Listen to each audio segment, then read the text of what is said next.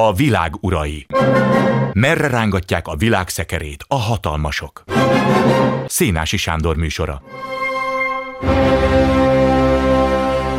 Jó estét kívánok! Ma esti vendégünk ez Bíró Zoltán történész. Jó estét önnek is! Jó estét kívánok! Eh, Mihail Gorbacsov halálával szimbolikusan lezárult egy korszak, hát ugyan korábban is lezárult már, de az a állítólagos kétségbeesés, amit a halála előtti hónapokban mutatott a Ukrajna elleni orosz háború ügyében, legalábbis hozzá közel álló emberek, többek között egy magyar filmrendező nyilatkozott így, az megmutatta azt a szakadékot, ami az ő hite, tettei és a mostani történések között vannak.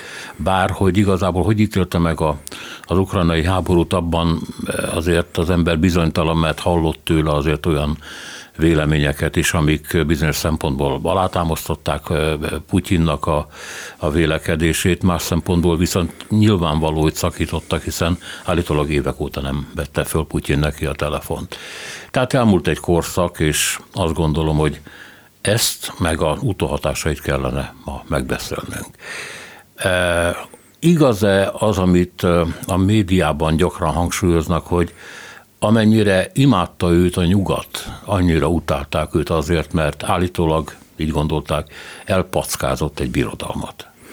Hát nyilván a népszerűsége egy idő után drámaian csökkenni kezd, de az egész hat és fél éves korszakára semmiképpen nem érvényes az a megállapítás, hogy otthon se szerették. A korai korszakban, 85, 86, 87 időszakában óriási remények kapcsolódtak hozzá, és hát végsősorban a szabadságot hozta a Szovjetunióban, legalábbis azoknak, akik ezzel a szabadsággal tudtak élni, de egészen más légkör, egészen más hangulat alakul ki 85, 86, 87-ben, de hát ahogy nem sikerülnek a gazdasági elképzelések, és ahogy közeledünk a 90-es évekhez, 90-hez és 91-hez, különösen 91-ben hát totális az áruhiány, tehát az ország nagyvárosaiban belértve a fővárost, Moszkvát vagy Leningrádot, hát olyan alapdolgok tűnnek el, amik mondjuk a Brezsnyek korszakban minden további nélkül hozzáférhetők voltak,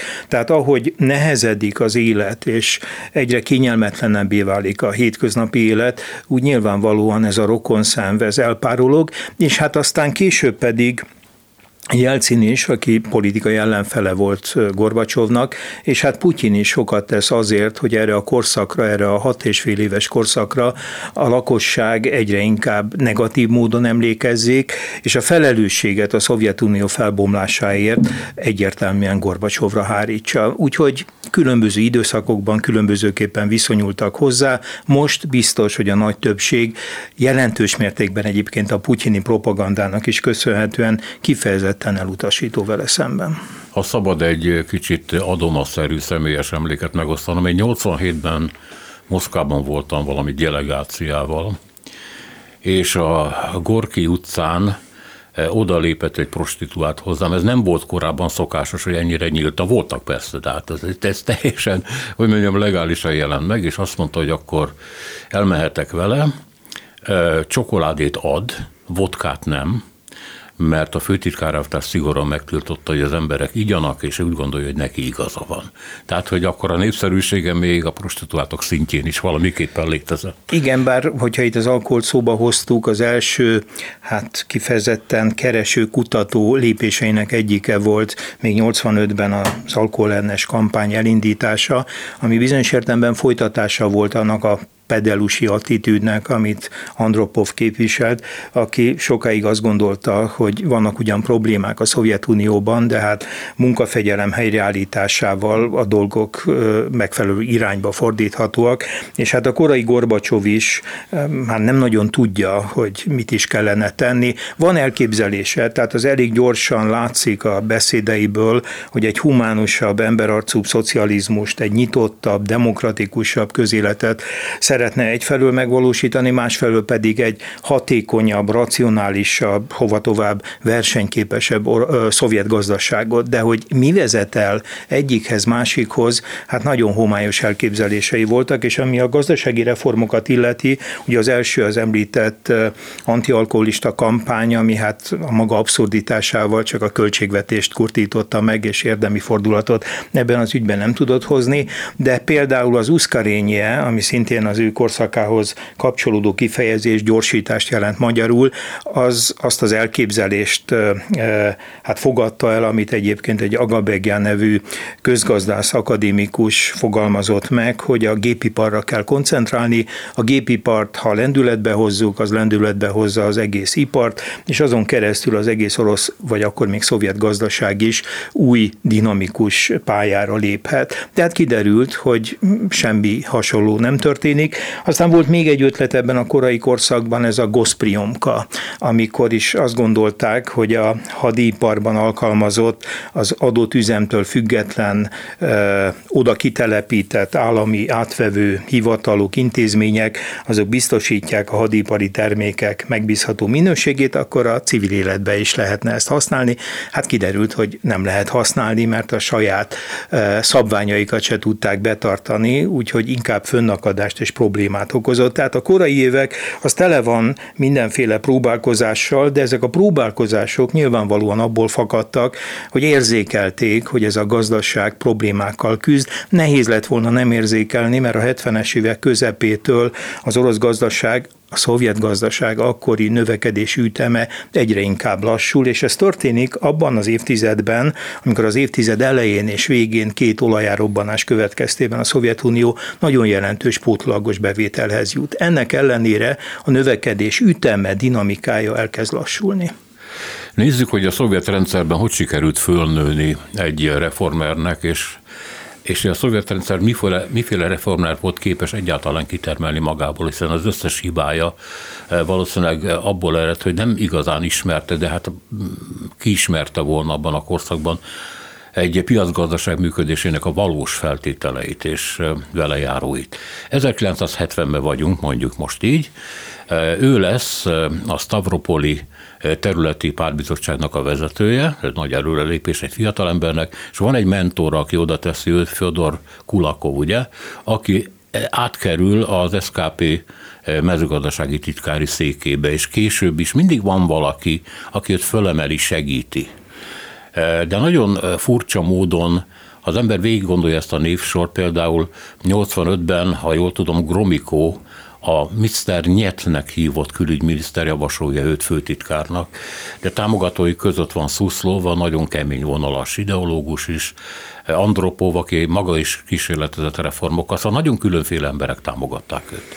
Az a Stavropoli megyei első politikusi szerep az óriási lehetőséget biztosít számára, hiszen a párt és a kormány vezetői gyakran látogattak nyári időben a Fekete-tengerhez, és nem egy esetben felkereste őket a Fekete-tengeri üdülésük idején Gorbacsov fontosnak találta ezt, és aztán arra is nem egy példát találni, amikor visszafelé tartva megállnak, találkoznak Gorbacsovval, egy fiatal, intelligens, és a kor viszonyai között hát kifejezetten e, tehetséges pártvezetőnek tűnt, mind Andropov, mind pedig Szuszló számára. Két egészen más alkatú és egészen más területet felügyelő PB tagról van szó. Ugye Szuszlov az ideológiai bonc, aki az ideológiai kérdéseknek és a propagandának volt az első számú irányítója és felügyelője, e, felügyelője meglehetősen hát szűkös e,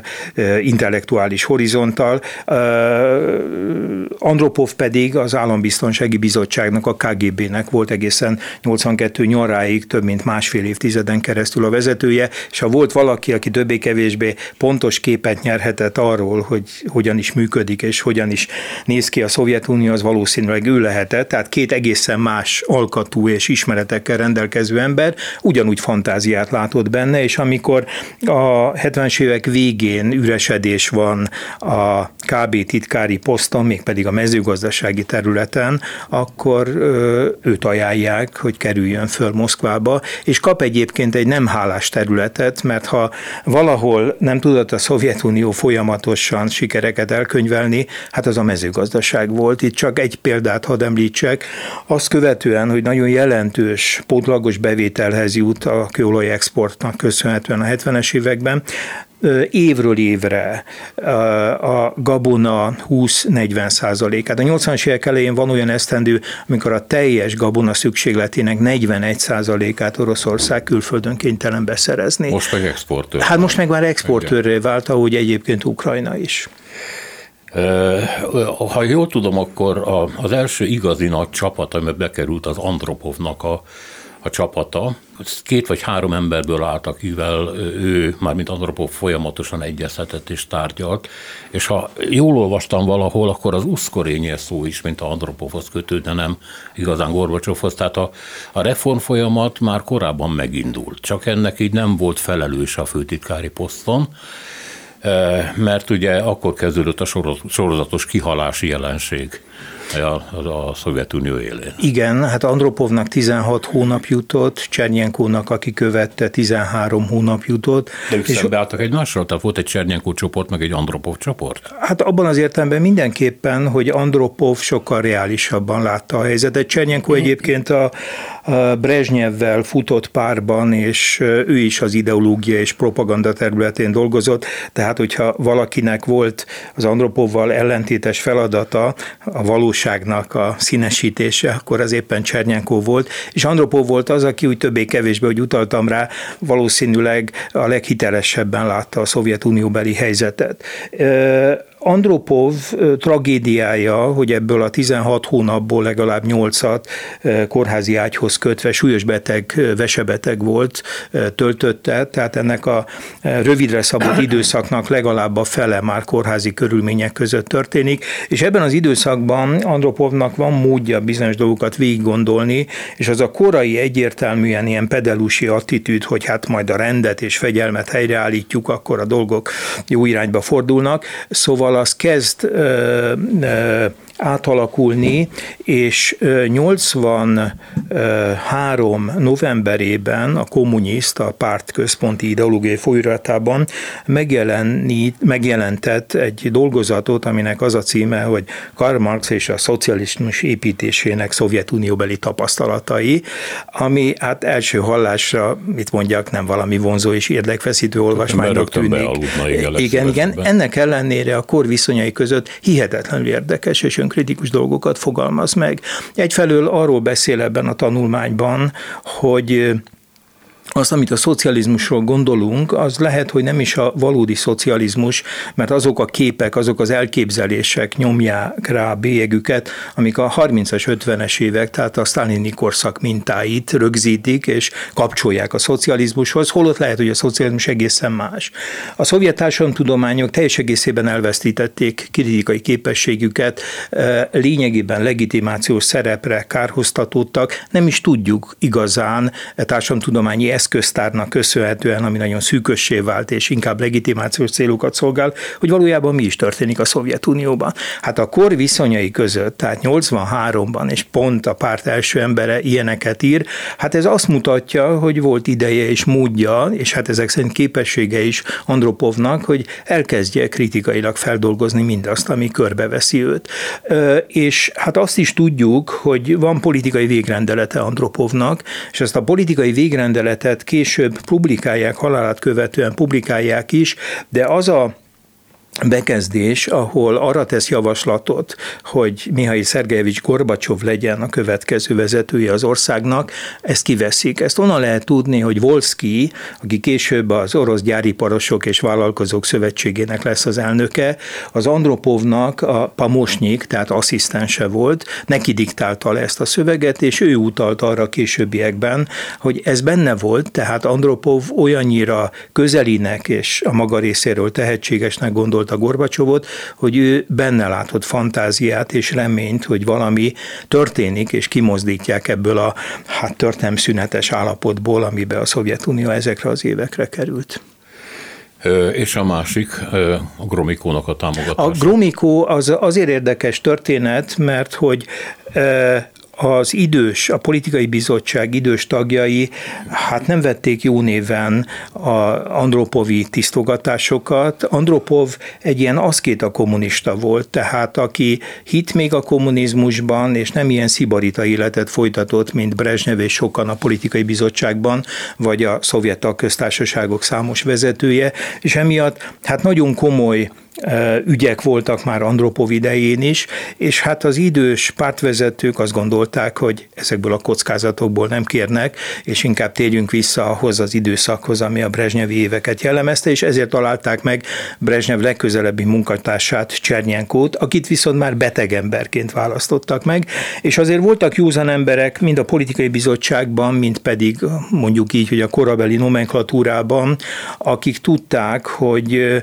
hogy nem szabad szabad 82. novemberétől 85. áprilisáig ugye három temetésre kerül sor, nem szabad újra egy idős embert a párt élére választani, amikor az ország komoly gondokkal és problémákkal küzd, és elkezdődnek azok a tapogatózó tárgyalások, érintkezések, részben, Andropo, részben Gromikó fián keresztül, aki egy kutatóember volt, hogy Ugye az politikai bizottságon belül volt egy informális hierarchia.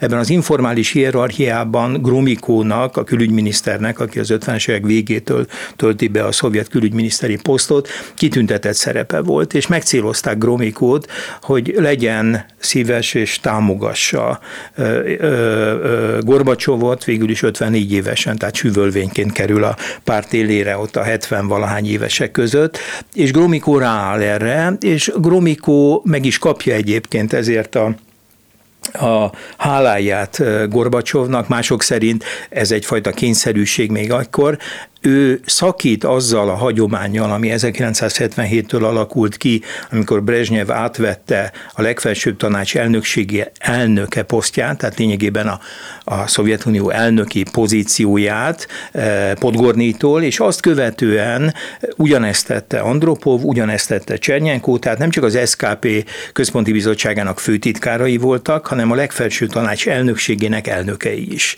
Eh, Gorbacsov viszont nem teszi ezt, hanem hanem, hanem Csernyenkó helyére Gromikót javasolja. Ez neki egyébként előny is, mert felszabadul így a külügyminiszteri pozíció, és egy közeli szövetségeseit, szövetségesét, a grúz pártfőtitkárt, Edvard Sevárnadzét tudja kinevezni, aki az oroszon és a grúzon kívül semmilyen nyelven nem beszél, semmiféle külügyi tapasztalata nincs, de lojális, és hát láthatóan elkötelezett abban a tekintetben, hogy külpolitikailag is a Szovjetuniót ki kell szabadítani abból a helyzetből, amiben különösen 83 a, a dél-koreai gépnek a távol-keleti lelövését követően került, részben 79 az afgán bevonulás, de aztán erre erősít rá 83 szeptember 1-kor lelövik a gépet. Tehát bizonyos értelemben Gorbacsovnak még jól is jön, hogy Gromikó helyére egy olyan ember tud tenni, akin keresztül, vagy aki révén közvetlenül és nagyon határozottan tudja irányítani később a szovjet külpolitikát. Úgy képzelem, hogy amit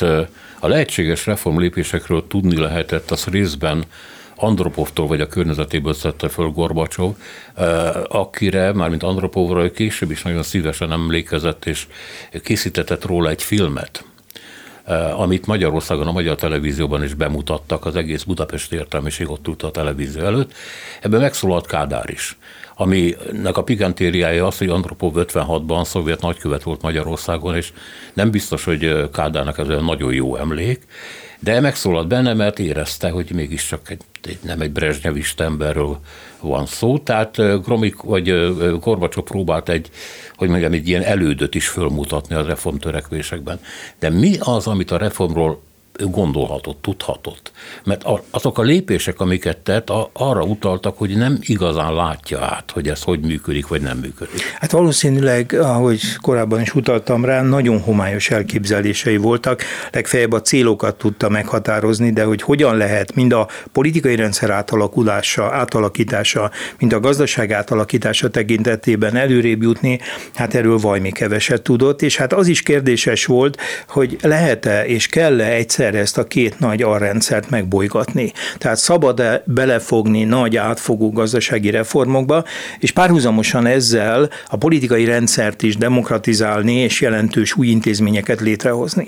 De hát a kényszerűség mégis csak abba az irányba terelte Gorbacsovot, hogy párhuzamosan indítsa el ezt a két folyamatot, ráadásul úgy, hogy igazán pontos elképzelése a lépésekre vonatkozóan nem is volt, és ez a kényszerűség abból fakadt, hogy lehet, hogy a politikai bizottság összetételén tudott változtatni, egyébként köszönhetően annak is, hogy már ezt a folyamatot Andropov elkezdte, tehát többségbe került a legfelsőbb stratégiai intézményben, testületben, a politikai bizottságban azok, akik támogatták a reformokat, nagyon jelentősen átalakítja a központi bizottság titkári apparátusát, titkárainak személyét, a KB is jelentősen változik, az úgynevezett területi első titkárokat is jelentős részben lecseréli, de a pártagság nagy többsége az konzervatív marad, ellenáll. És ebben az ellenállásban, tehát a nomenklatúra nagy része, no a legfontosabb kulcspozícióban a változásokat keresztül tudja vinni, de a párt egészében, ugye a lakosság 6%-a pártag, tudni 20 millió emberről beszélünk, ezek konzervatívok. És ebben a helyzetben úgy érezte, hogy valahogy a társadalmi aktivitást föl kell ébreszteni.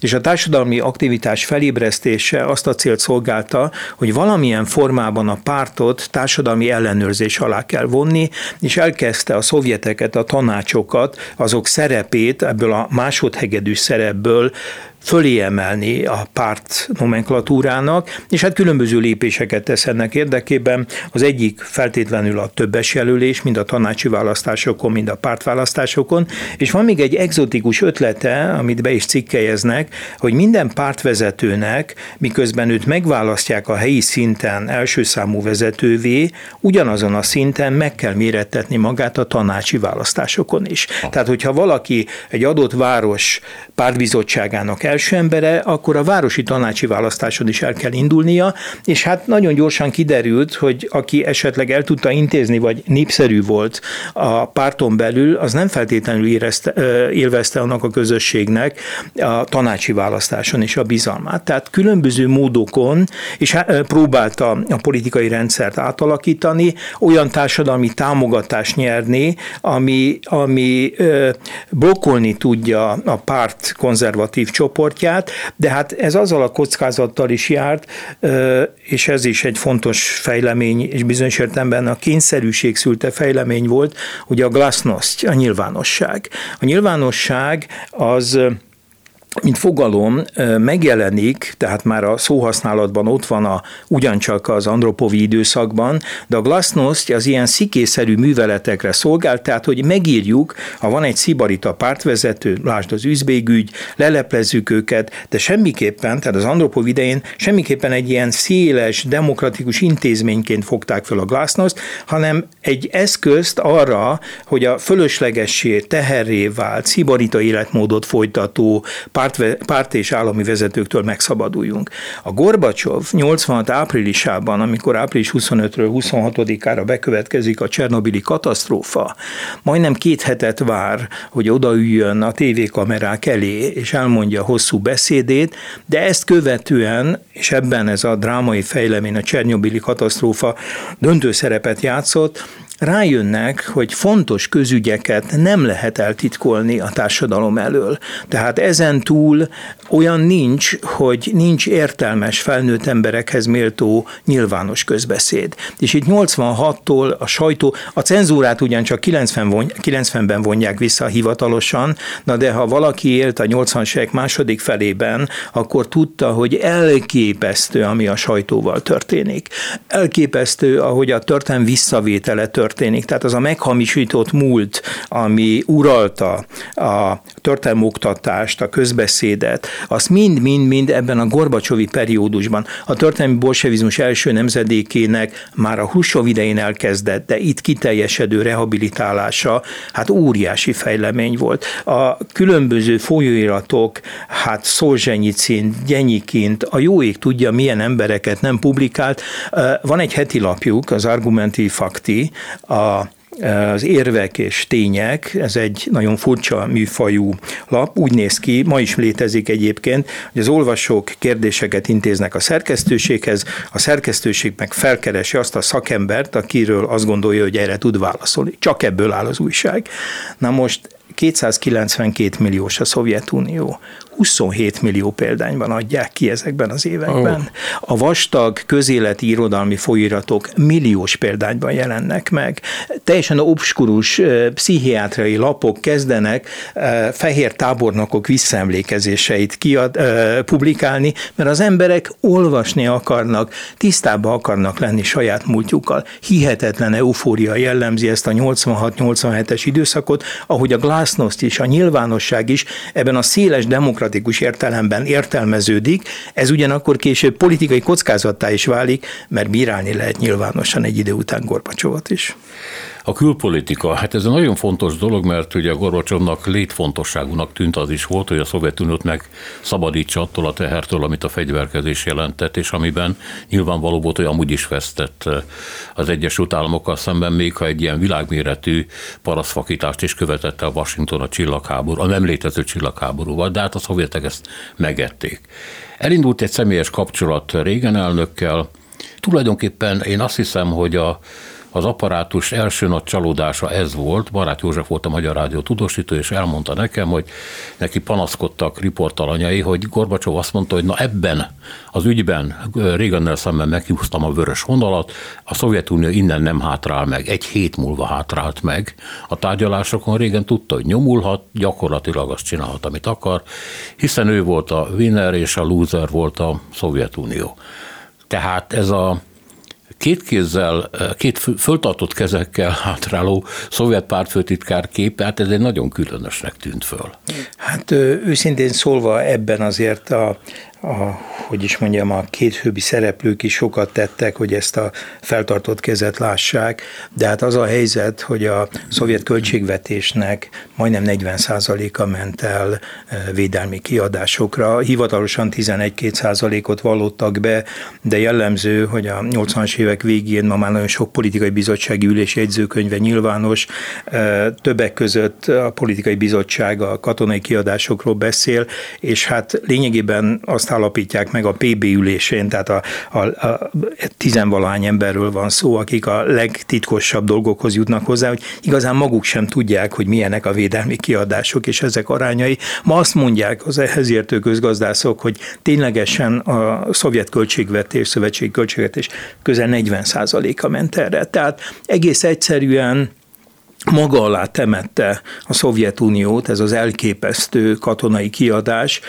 Ráadásul a nemzetközi helyzet annak ellenére sem, hogy 79-ben ők bevonulnak Afganisztánba, és bizonyos szankciókkal próbálják sújtani. Jellemző egyébként, hogy 68 után, tehát a prágai bevonulás után, mert a nyugat úgy érezte, hogy házon belül van a Szovjetunió, a Csehszlovákiai bevonulása nincs semmi szankció, de 79-ben vannak szankciók. De ezek a szankciók is olyanok, hogy például a gabonavásárlásra vonatkozó szankciót másfél év után visszavonja az Egyesült Államok, tehát ezek is olyan nagyon-nagyon-nagyon visszafogott szankciók, semmilyen értelemben nem mérhetők ahhoz, ami alá most az utóbbi fél évben Oroszországot vonják. Tehát azt hiszem, hogy messze menő szovjet érdek volt az, hogy itt bizalmi légkör alakuljon ki, és folyamatos érintkezés az Egyesült Államokkal. Ez annál is inkább fontos volt, mert 79. júliusában találkozott utoljára az első számú szovjet vezető, az akkori amerikai elnökkel,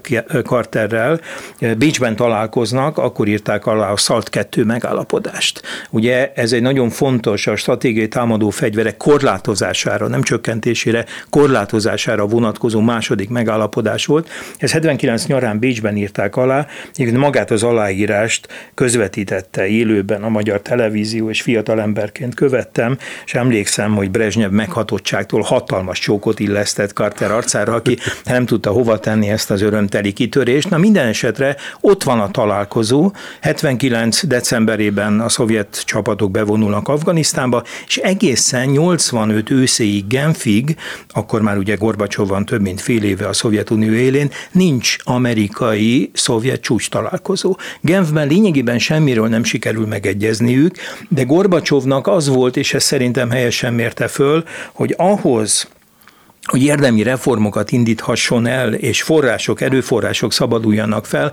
ahhoz neki főleg az Egyesült Államokkal rendezni kell a viszonyt. Ma már tudjuk azt az érdekes epizódot, hogy amikor a Genfi találkozón, ahol még egyszer mondom, semmi érdemi megállapodás nem született, csak az ismerettség jött létre köztük, kimentek a a parkba e, beszélgetni egymással, és csak tolmács volt jelen, és állítólag egy ponton a régen odafordult Gorbacsovhoz, és megkérdezte, hogy mit tenne a Szovjetunió, ha az Egyesült Államokat e, idegen bolygóról megtámadnák, tehát űrlények támadnák meg, mire azt mondta Gorbacsov, hogy megvédenénk, segítenénk az Egyesült Államoknak, mire régen is azt mondta, mi is ezt tennénk önökkel. Na most, hogy mennyibe igaz vagy mennyire nem, azt nem tudjuk, mert csak a tolmács közvetítésében lehet erről hallani. Lehet, hogy így volt, és a következő tárgyalásukra, amire nagyon-nagyon készül Gorbacsov, 1986 őszén, tehát egy évvel később Reykjavikban került sor. Ez egy nagyon fontos találkozó, talán az egyik legfontosabb eseménye volt a Gorbacsovi korszak külpolitikájának. Itt három pontból álló csomaggal érkezik Gorbacsov. Három dolgot szeretne elérni, hogy állapodjanak meg, de ahhoz a feltételhez köti a megállapodást, hogy mindhárom ügyben szülessen egyesség. Az első fölajánlja, hogy a stratégiai támadó fegyvereket felezzék meg. Tehát az akkor hadrendben álló mind a robbanófejek, mind a hordozóeszközök vonatkozásában radikálisan kezdődjék meg ezek csökkentése a régen belemegy ebbe, elfogadja. A második ajánlat az volt, hogy a, az Európába telepített közepes és rövidebb hatótávolságú rakétákat mind az amerikaiak, mind pedig a szovjetek, ugye ez az SS-20-asokat jelentette szovjet oldalon, Pershingeket az amerikai oldalon, de Európába telepítve ezeket a fegyvereket, szárazföldi intítású fegyvereket teljes egészében kölcsönösen szere, szere, szereljék le. Ez azért volt engedmény orosz részről, mert korábban az ilyen kategóriájú francia és brit eszközöket is szerették volna a tárgyalás tárgyává tenni, de nem mondtak erről. Nekik az kellett, mert hogy ahogy Gorbacsov fogalmazott, ezek a pörsingek, ezek lényegében azt jelentették a Szovjetuniónak, amit egy homlokához szorított pisztoly jelent egy embernek. Tehát pillanatok alatt eléri a szovjet területeket, védelmezni, védekezni vele szemben képtelenség, erre is azt mondta a régen, hogy rendben van. És a harmadik elem, és itt nem tudtak megegyezni, és ez részben visszautal, ami előbb elhangzott, hogy a csillagháborús tervre vonatkozóan az volt a szovjet javaslat, hogy tíz évre laboratóriumi keretek között tartsák ezt a programot az amerikaiak, kísérletezzenek, fejleszék ezt, de ne hadredbe állítsák. Ez volt a javaslat és a kérés szovjet oldalról. Régen viszont úgy érezte, hogy ez egy, még ha blöff is technikai vagy műszaki értelemben, akkor mindenképpen az volt, ezzel nyomást tud gyakorolni a Szovjetunió, és ezt nem fogadták el. Következésképpen a csomagelv nem érvényesült, de már 81. decemberében a közepes és rövidebb hatótávolságú rakétákra vonatkozóan Washingtonban megállapodnak, 91-ben július végén pedig aláírják a Start egy megállapodást, ami pedig a csomag első pontjára vonatkozott. Tehát szétbontva a háromból kettőben később meg tudnak egyezni. Gorbacsovnak óriási lendületet vagy erőt adhatott volna, hogyha ez a háromas csomag már ott elfogadásra kerül, és nem szétbontva évekkel később. A másik erőforrás felszabadítása nyilván az országok elengedése volt, és hát ebben az ügyben Német Miklóstól tudható, hogy már korábban, tehát még a Nagy Imre temetés előtt, ugye Orbán elmondta a ruszik takarodjatok szöveget, már lehetett tudni, hogy ezek a tárgyalások a csapat kivonásról folynak, és ő meg is egyezett Gorbacsovval, hogy kivonnak szovjet katonákat Magyarországról, de azt mondta neki Gorbacsov, hogy ezt ne tegye közszíré, mert akkor a nyakában vannak a lengyelek meg a csehek egy pillanat múlva, hogy ők is kérik. Úgyhogy kivon katonákat, azt hiszem egy tízezret, de ne legyen ennek hírértéke. És akkor hát nagyobb mozgástér lesz, mert ugye több pénz marad fejlesztésre, reformra, ahogy ön is mondta. De amit föl rónak neki, Gorbacsovnak, hogy nem igazán sikerült egy reform közeget teremteni. Tehát lehet, hogy nagyon sok embert elbocsátott, lecserélt az apparátusban, meg a hadseregben, de igazából nem volt az, ami Magyarországon, hogy talán soha nem volt még olyan intellektuális erő, mint ami földgyúlt 88-89-ben, de hát előtte voltak reform évek, sőt évtizedek amik alatt ezek az emberek összejöttek, és mind ugyanazt akarta. Hihetetlen intellektuális erő volt 80-as évek végén. A Szovjetunióban nem. Tehát valahogy Gorbacsov egy idegen, furcsa figuraként marad, hát legalábbis a kritikák szerint a színpadon. Hát kétségtelen, hogy sokkal szűkebb volt ez a kör, akire támaszkodhatott, és hát ebben az is szerepet játszott, hogy az úgynevezett koszigini reformok, amit a 60-as évek közepén indítanak el, az 68-ban a prágai eseményeket követően bezárják, lezártnak tekintik, és hát tényleg egy ilyen történelmszünet, egy ilyen megáll az időállapot köszönt a Szovjetunióra, és hát azt ne felejtjük el, hogy a Szovjetunió a korabeli Magyarországhoz képest jóval-jóval zártabb volt. Zártabb volt abban az értelemben is, hogy hát amennyire én visszatudok erre emlékezni, azért a 60-as évek közepétől Magyarországról három évente, amikor kaptak az emberek valami nagyon szerény valuta ellátmányt, azért a legegyszerűbb embernek is, hogyha szándékában állt, módja volt arra, hogy elutazzon külföldre. Hát a Gorbacsovi Szovjetunióban, még a Gorbacsovi években is, hogyha bárki akár csak Bulgáriába elutazott, akkor a e, Zagranyisni paszport, tehát az útlevelét, azt közvetlenül az utazás előtt vette föl a rendőrségen, és az utazása után le kellett adnia. Tehát sokkal, de sokkal kevesebben voltak azok, egyébként ma is ez a helyzet, ma is Oroszországban a lakosság 15-17 százalékának van útlevele, tehát nagyon keveseknek van közvetlen tapasztalata arra vonatkozóan, hogy a világ hogyan is néz ki és hogyan működik működik. Tehát ilyen értelemben azt, hogy intellektuálisan más körülmények között éri el Magyarországot a rendszerváltás lehetősége, abban nyilván benne vannak a 68-as magyarországi, tehát az új gazdasági mechanizmusra való áttérés, még akkor is, hogyha aztán évekkel később szovjet nyomásra ezt jelentősen megkurtítják, keretek közé terelik, de mégis egy sokkal nyitottabb, a világról sokkal többet tudó, és ez az érintkezés a világgal nem csak gazdasági érintkezés jelentett Magyarországon, hanem kulturális, tudományos, oktatási érintkezést is. Mindez a Szovjetunió esetében nincs. Tehát az, hogy egy ilyen majdnem, hogy vákumszerű közegben kell Gorbacsovnak ezeket a változásokat elindítani, és hogy nagyon kevesekre tudott ebben az ügyben támaszkodni, hát nyilván drámája és Gorbacsovnak, drámája egyébként a Szovjetuniónak, és, és azt hiszem, hogy drámája lesz annak az Oroszországnak is, amelyik most az év elejétől egy olyan pályára állt, ahonnan hihetetlen nehéz lesz megint visszakeverednie. Tehát ilyen értelemben a beszélgetésünk elején ugye említettük Putyint, aki nyilván nem félt Gorbacsovtól, hiszen nem népszerű ember, és ezért megtehette, például most is megteheti, hogy nem fog elmenni a temetésre. Noha élesen kritikusan Gorbacsovról nem nyilatkozott meg, de hát az elmúlt évek, és most már hosszú évek politika politikája, hivatalos retorikája az mind arról szólt, hogy a Szovjetunió felbomlásáért a Gorbacsovi politikai személy szerint Gorbacsov hihetetlen módon felelős. Én azt gondolom, hogy hogy ha nem Gorbacsov van, hanem valaki más, akkor lehet, hogy ez a szovjet agónia elhúzódik, lehet, hogy drámai fordulatot vesz. Lehetett volna a későbbi években egy olyan fordulat is, mint ami drámai módon bekövetkezik a Balkánon, Jugoszláviában, és hát azt gondolom, hogy mind Kelet-Közép-Európa, tehát a szatellitállamok, mind pedig a szovjet belső periféria köztársasági gai egy némány kivétellel hálásak lehetnek azért, hogy elengedte, elengedte Kelet-Közép-Európát, elengedte a szovjet belső perifériát, bár itt annyi pontosítást azért kell tenni, hogy a Baltikum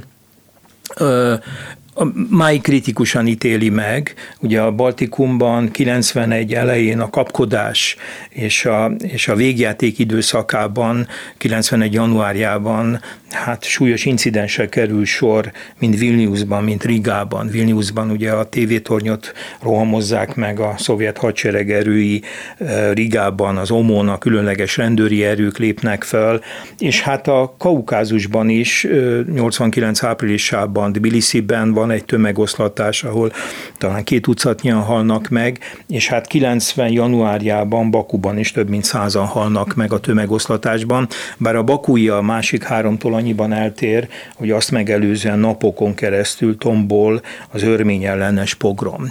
És hogyha valaki ellátogat Bakuba, akkor ott van egy sétány, ahol több mint száz embernek ilyen fekete gránit emlék oszlop, sor hát tudósít, az az érzésem annélkül, hogy bárkit is meg, akarnák, meg akarnék bántani vagy sérteni, hogy azok között, akik a szovjet hadsereg fellépése nyomán halnak meg 91. január 20-án Bakuban, nem kevesen lehetnek azok, akik a napokon át azt megelőzően tartó gyíncserésekben pogromlovagokként részt vetnek, részt vettek. Erről valahogy az azeri történetírás szeret nagyvonalúan megfeledkezni. Tehát azt akarom mondani, hogy itt a végén azért van néhány epizód és néhány hely, ahol Gorbacsov kétségbeesésében, mert hogy nem igazán időben és nem igazán mélyen ismerte föl azokat a etnikai, nemzetiségi feszültségeket, konfliktusokat, amik azért 88-tól sorra lobbannak be.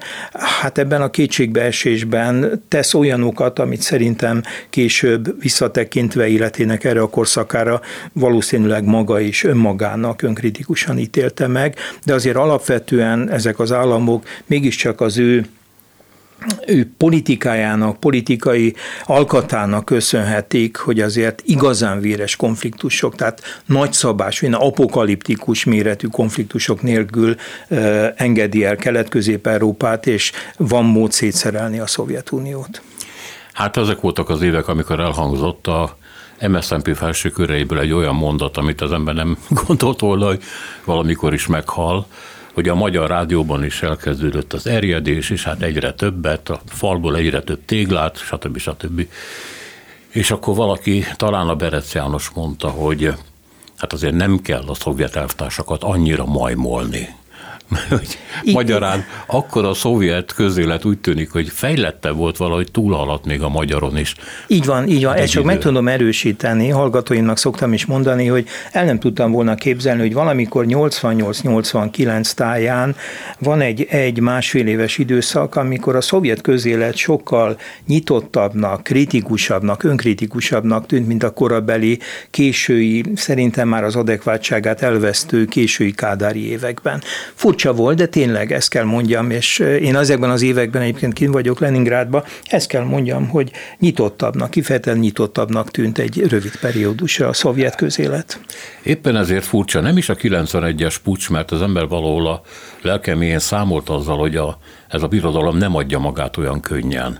E, aztán a meglepetés az volt, hogy mennyire pancser módon csinálták ezt, és igazából nem volt következménye, tehát amikor a Jelcin föllép, akkor én nem mondom, hogy fantomok ellen küzdött, de igazán komoly ellenerővel nem kellett számolnia. Viszont magát politikusként kétségkívül megcsinálta. Inkább az, hogy e, vagy talán még a káosz is rendben volt egy ekkora birodalom omlása után, ezt is be lehet számítani, de hogy az ember arra gondolt, amivel kapcsolatban Kínával szemben is tévedhettünk, hogy ha kiépül egy kapitalista rend, kiépül egy piacgazdaság ilyen-olyan módon, akkor annak vannak, hogy mondjam, csak olyan következmények, amiket nem lehet olyan könnyen visszacsinálni, és ez egy súlyos tévedés a Szovjetunióval vagy Oroszországgal kapcsolatban, ebből a szempontból akkor az ember azt gondolhatta, hogy a Gorbacsövi örökség is ilyen. Tehát egyszerűen egy, egy hatalmas, nagy választóvonal az orosz történelemben, ahonnan nincs visszaút. És mégis volt. Mi ennek az oka? Így van, mégis csak volt, és hogyha valaki például fölmegy a Szabadságrádió, ez a Szabad Európa Rádió orosz változatát hívják Szabadságrádiónak, és fölmegy a honlapjára, a svaboda.org oldalra, akkor például talál egy néhány perces összeállítást arra vonatkozóan, hogy az emberek mit gondolnak Gorbacsovról és Gorbacsov történelmi teljesítményéről, és a megkérdezettek, bár ez az utca embere típusú felmérés soha nem reprezentatív, hiszen soha nem tudjuk, hogy végül is hány embert kérdeztek meg, és hányan kerültek az összeállításba, de azt gondolom, hogy alapvetően a spontán megkérdezettek többsége belekerülhetett, és hát túlnyomó többségének lesújtó véleménye és nagyon kritikus véleménye van Gorbacsovról, ami döbbenetes, mert hogy a beszélgetések egy része olyan éttermek, olyan üzletek előtt veszik föl, ami üzletek és éttermek nem létezhetnének, ha ezt a folyamatot Gorbacsov nem indítja el. Egy csomó dolog nem létezne a Szovjetunióban, mint ahogy egy csomó dolog nem fog létezni hosszú-hosszú éveken keresztül Oroszországban, ennek az elzárkózásnak a következményeként. És mégis úgy tűnik, hogy azt a társadalmat, amelyik a 80-as évek végén, vagy a 90-es évek első felében kifejezetten jó véleménnyel volt Nyugat-Európáról, Nyugat-Európa meghatározó államairól, az Egyesült Államokról, bele lehetett forgatni egy olyan hisztérikus, a valóságtól elrugaszkodó hát világkép elfogadásába, ahol a főgonoszok, ugye az angol szászok, a nyugati világ pedig, hát ha csak egy kicsit is reálisabban néznék, vagy egy kicsit is önkritikusabban néznék a történéseket, akkor talán föl kellene tenni a kérdést, hogy ez a bizalmatlanság biztos, hogy kizárólag a nyugati lépések és fellépés miatt következik be. Nem gondoltuk volna, hogy ez történik. Látjuk egyébként a Levada központ méréseiből nagyon jól lehet látni. A Levada az utolsó uralkodótól, második Miklóstól méri a társadalom, az orosz társadalom viszonyát az első számú vezetők közt. Tehát második Miklós, Lenin, Stalin, Hruscsov, Brezsnyev, Gorbacsov, Jelcin, Putyin. És hát az a jellemző, hogy akik valamelyest is a szabadságot, a liberalizálódást hozzák, azok, azok azok nagyon rosszul szerepelnek, és azok, akik ezt a kemény kezet, az állítólagos állami erőt reprezentálják, tehát Stalin, Brezsnyev, a Brezsnyevi aranykor, illetve Putyin, hát a legnépszerűbbek. És hát ma már ugye az is már évek óta világos és egyértelmű, hogy minoritásnak számít a társadalmon belül azok köre, akik kritikusan ítélik meg Stálint, tehát a túlnyomó többség történelmi teljesítményét és személyét a legnagyobb elragadtatással és elismeréssel fogadja, és hát a szabadságot hozó figurák azok, akik azon a hagyományos orosz modellen akarnak változtatni, hogy az állam van a társadalomért. Az államnak a társadalom igényeit, a társadalmat alkotó egények, egyének igényeit kellene kiszolgálnia, megpróbáltak fordítani. Tehát ide tartozott bizonyos értelemben Hruscsov, ide tartozott mindenképpen Gorbacsov is, és azt gondolom, hogy Jelcin is ebbe a körbe tartozott, hogy nem az erős állam mítosza ragadta magával őket, hanem hogy hogy az a fontos, hogy az állam szolgálja a társadalom igényeit, és ebb, e, ennek jegyében alakítja, vagy próbálta alakítani a politikáját. Láthatóan az orosz társadalmat meg lehet vezetni, és vissza lehet vezetni, hogy nem ez a helyes út, az a helyes út, amikor a társadalom szolgálja az államot, e, és erős államunk van, e, respektált államunk van. Úgy tűnik, hogy az orosz történelmi fejlődés egyik legnagyobb drámája, hogy nem tud egyszerre erősnek, és az emberek nagy többsége számára emberhez méltó életet biztosítani, ebben választani kell, és aki az emberek többsége számára méltó életet akar biztosítani, az úgy tűnik, hogy kevesek számára vonzó egyenlőre.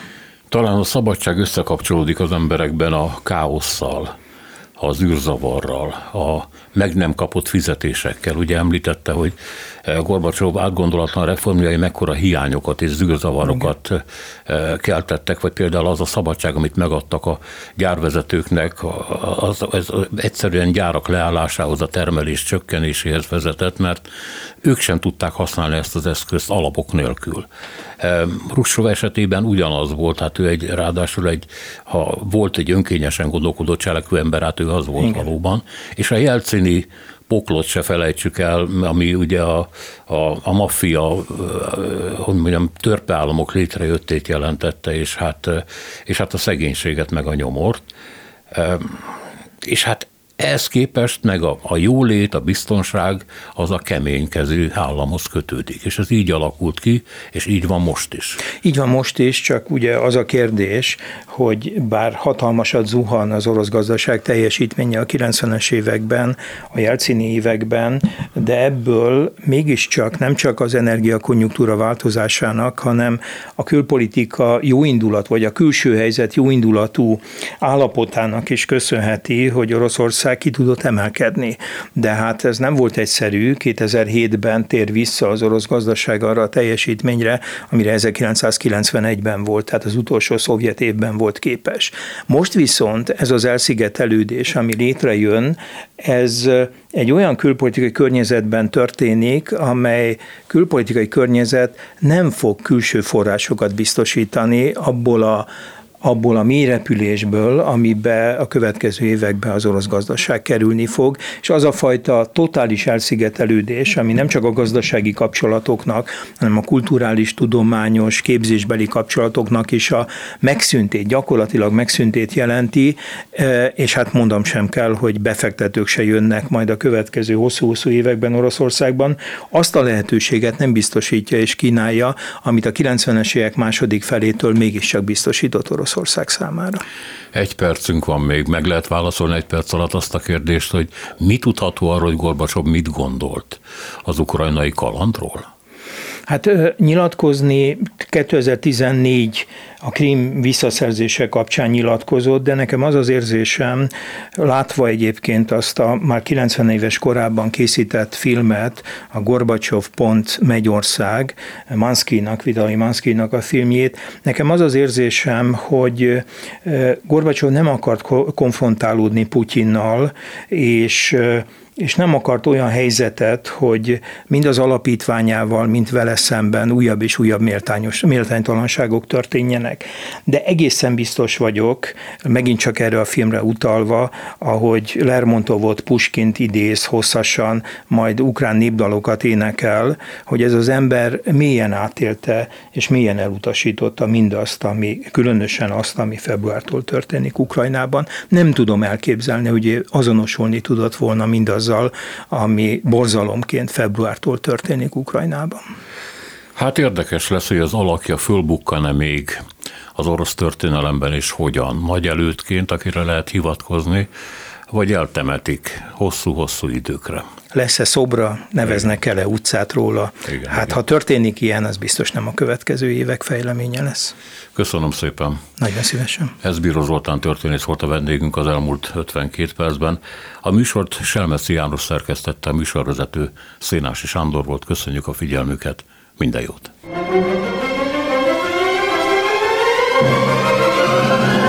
A Világ Urai című műsorunkat és Szénási Sándor műsorvezetőt hallották.